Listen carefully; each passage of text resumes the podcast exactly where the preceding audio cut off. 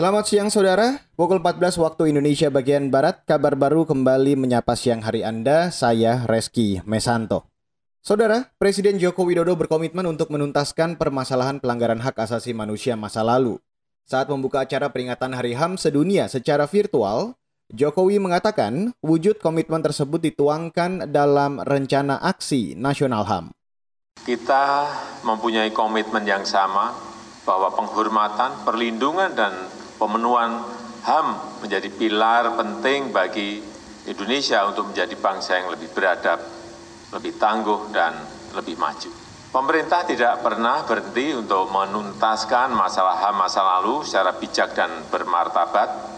Kita harus bekerja sama menyelesaikannya dan mencurahkan energi kita untuk kemajuan bangsa. Jokowi mengatakan bahwa pemerintah memiliki komitmen untuk menghormati, melindungi, serta memenuhi HAM di Indonesia. Jokowi telah menugaskan Menteri Koordinator Bidang Politik, Hukum, dan Keamanan untuk menyelesaikan masalah HAM masa lalu. Saat ini belasan kasus pelanggaran HAM masa lalu hasil penyelidikan Komnas HAM tak jelas penyelesaiannya. Kejaksaan Agung mengembalikan berkas dengan alasan tidak cukup bukti. Masih terkait peringatan Hari HAM, Komisi Nasional Hak Asasi Manusia mengajak seluruh masyarakat untuk terus memperkuat nilai kemanusiaan. Ketua Komnas HAM Ahmad Taufan Damanik mengatakan, penguatan tekad di dalam semangat solidaritas kebangsaan. Saya ingin mengajak semua elemen bangsa untuk kembali memperkuat solidaritas kebangsaan dengan dasar nilai kemanusiaan. Nilai kemanusiaan adalah nilai yang mampu memutus demarkasi identitas internal keagamaan atau identitas suku budaya lainnya. Nilai kemanusiaan adalah nilai universal yang di dalamnya manusia yang satu benar-benar menjadi saudara bagi manusia yang lain. Ketua Komnas HAM Ahmad Taufan Damanik menambahkan, pandemi COVID-19 merupakan peluang untuk memperkuat solidaritas kebangsaan untuk menyelamatkan bangsa Indonesia dari keterpurukan.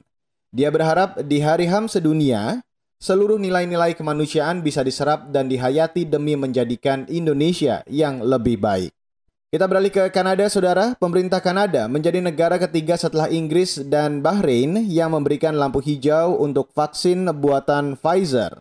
Regulator Kesehatan Kanada mengatakan persetujuan diberikan karena didukung bukti vaksin itu aman, efektif, dan berkualitas. Vaksin disetujui di bawah sistem peninjauan obat sementara.